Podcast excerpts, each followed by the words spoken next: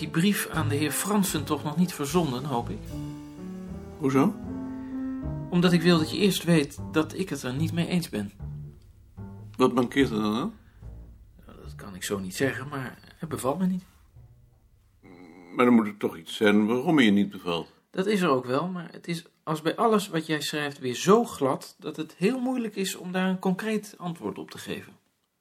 Maar dan moet er toch een, eh, een zin zijn of een woord waardoor dat gevoel wordt opgewekt. Het is meer de toon, denk ik.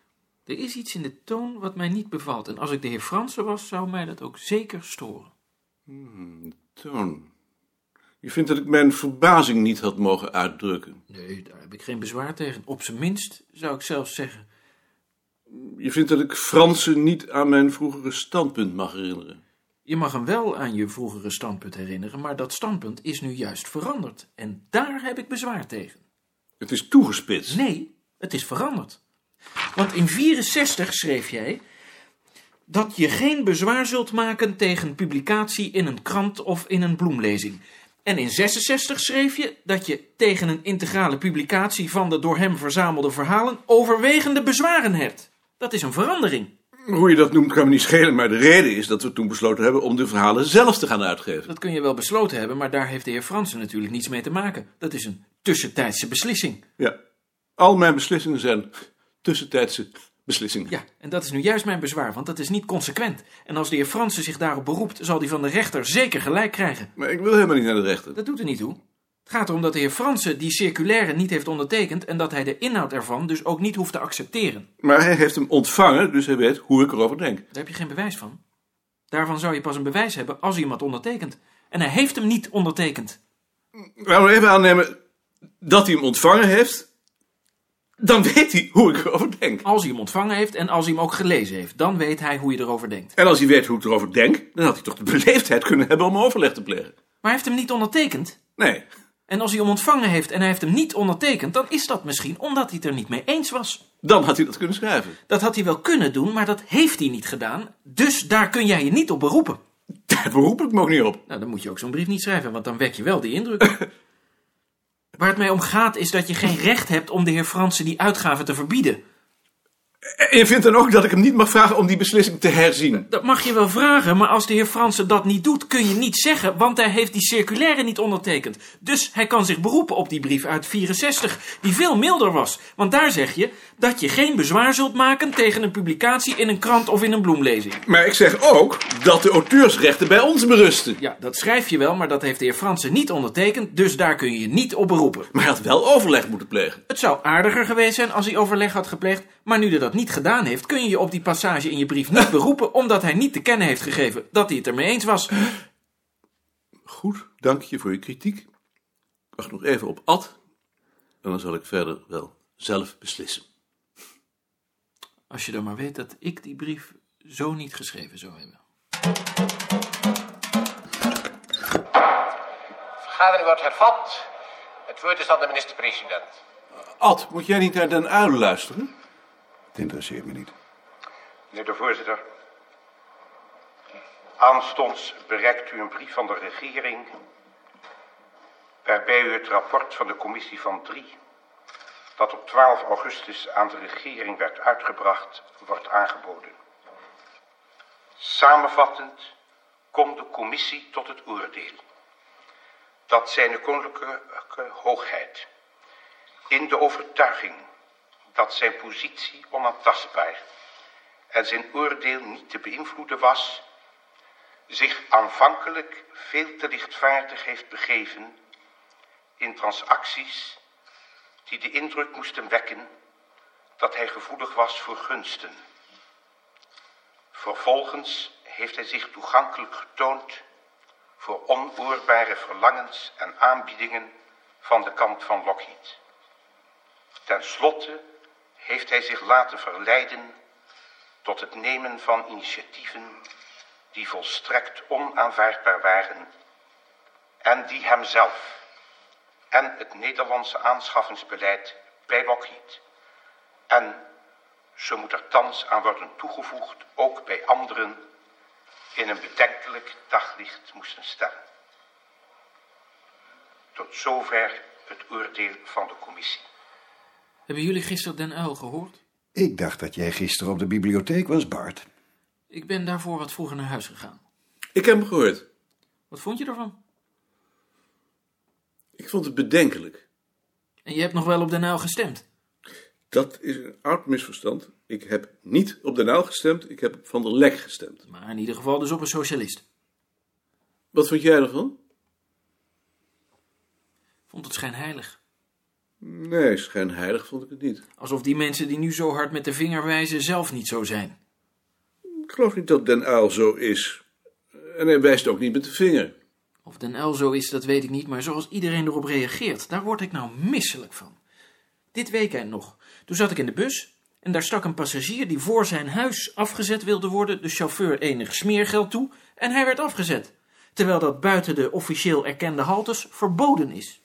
En zo'n man wordt dan niet gestraft, terwijl hij in wezen hetzelfde doet als Bernard. En wat wil je daar nou mee zeggen? Er elke dag enkele tienduizenden misdrijven en overtredingen begaan, waarvan er maar enkele tientallen gestraft worden. Vind jij dat dat, dat dan niet meer moet gebeuren? Eh, Dat weet ik niet, maar ik vind het een probleem.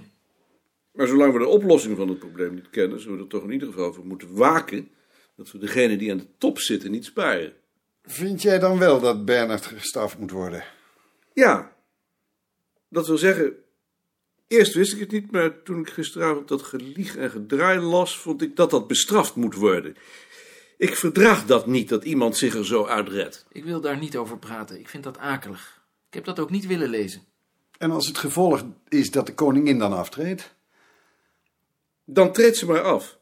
Dat zeg je nou alleen maar omdat de socialisten tegen de monarchie zijn. Ik ben helemaal niet tegen de monarchie. Ik wil alleen respect hebben voor de mensen die mij regeren. Alsof niet alle mensen corrupt zijn.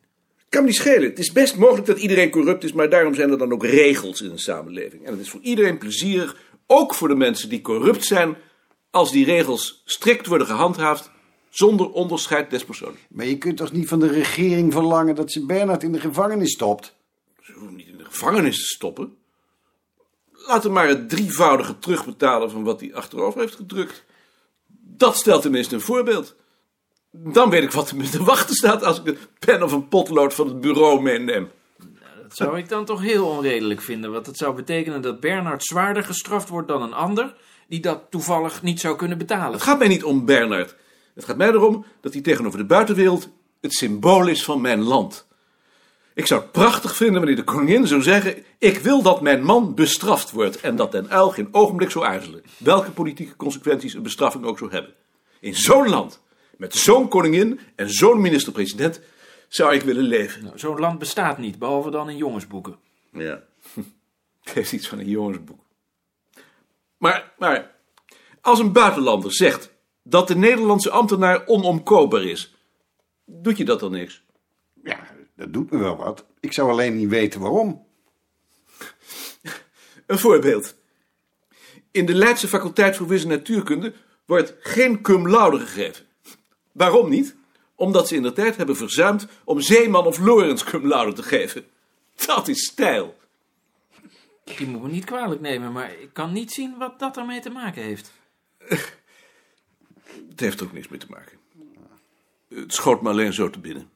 De regering is tot de conclusie gekomen dat, hoewel van enige daadwerkelijke invloed van de prins op het onderzochte aanschaffingsbeleid niet is gebleken, de handelwijze van de prins het belang van de staat heeft geschaad.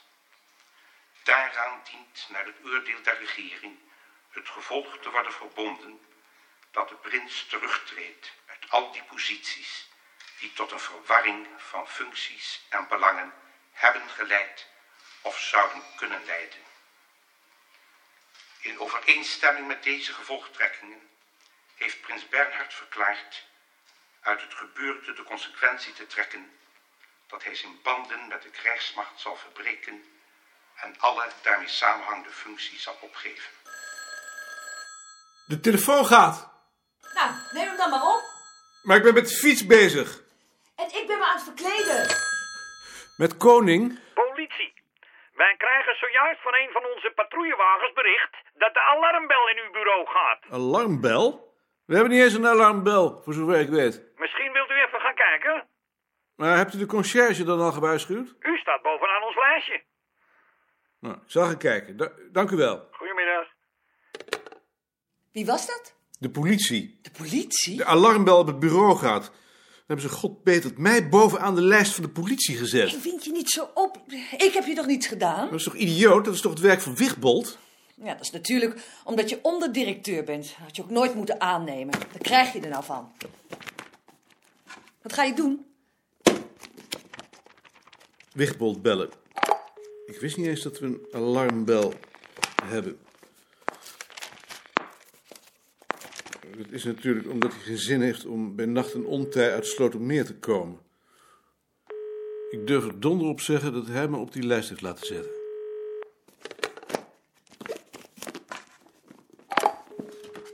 En wie bel je nu? Nu bel ik Balk. Ik had toch eerst moeten weten waar die alarminstallatie zit.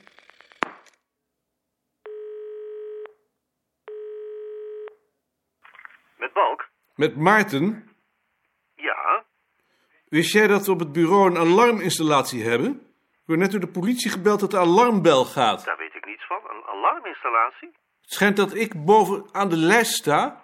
Dat zal Wigbold dan wel gedaan hebben. Die heb ik al gebeld, maar die neemt niet op. Zou je niet even willen gaan kijken? Ik weet niets van een alarminstallatie. Ik zal gaan kijken. Ik bel je nog wel. Je gaat toch niet kijken? Tuurlijk ga ik kijken. Op zondag? Dergelijke dingen gebeuren altijd op zondag. En als er dan inbrekers zijn? De politie is het toch? Maar je bent wel voorzichtig, hè? Ik ben voorzichtig. Geen stap verder! Wat is dat voor onzin? Wat doen jullie hier? Wij werken op zondag. Waarom zet je die bel dan niet af? De bel maakt contact. Ze heeft de politie mij god Peters voor van huis laten komen. De politie? Goedemiddag. U hebt mij opgebeld. Wat is er aan de hand? De bel maakt contact. Waar zit die bel? Daar. Hebben u een trappie? Zo, daar zullen we geen last meer van hebben. Hebben ze jou dan gewaarschuwd? De regering vertrouwt op de bereidheid om in saamhorigheid tot een zuiver oordeel te komen. Dat zal ook de koningin sterken in de voortzetting van de vervulling van haar taak, die zij als een opdracht heeft aanvaard en ervaart. Het is met deze overtuiging dat de regering uitspreekt dat zij met genomen beslissingen haar plicht vervult om het recht te handhaven en ons grondwettelijk bestel te beschermen.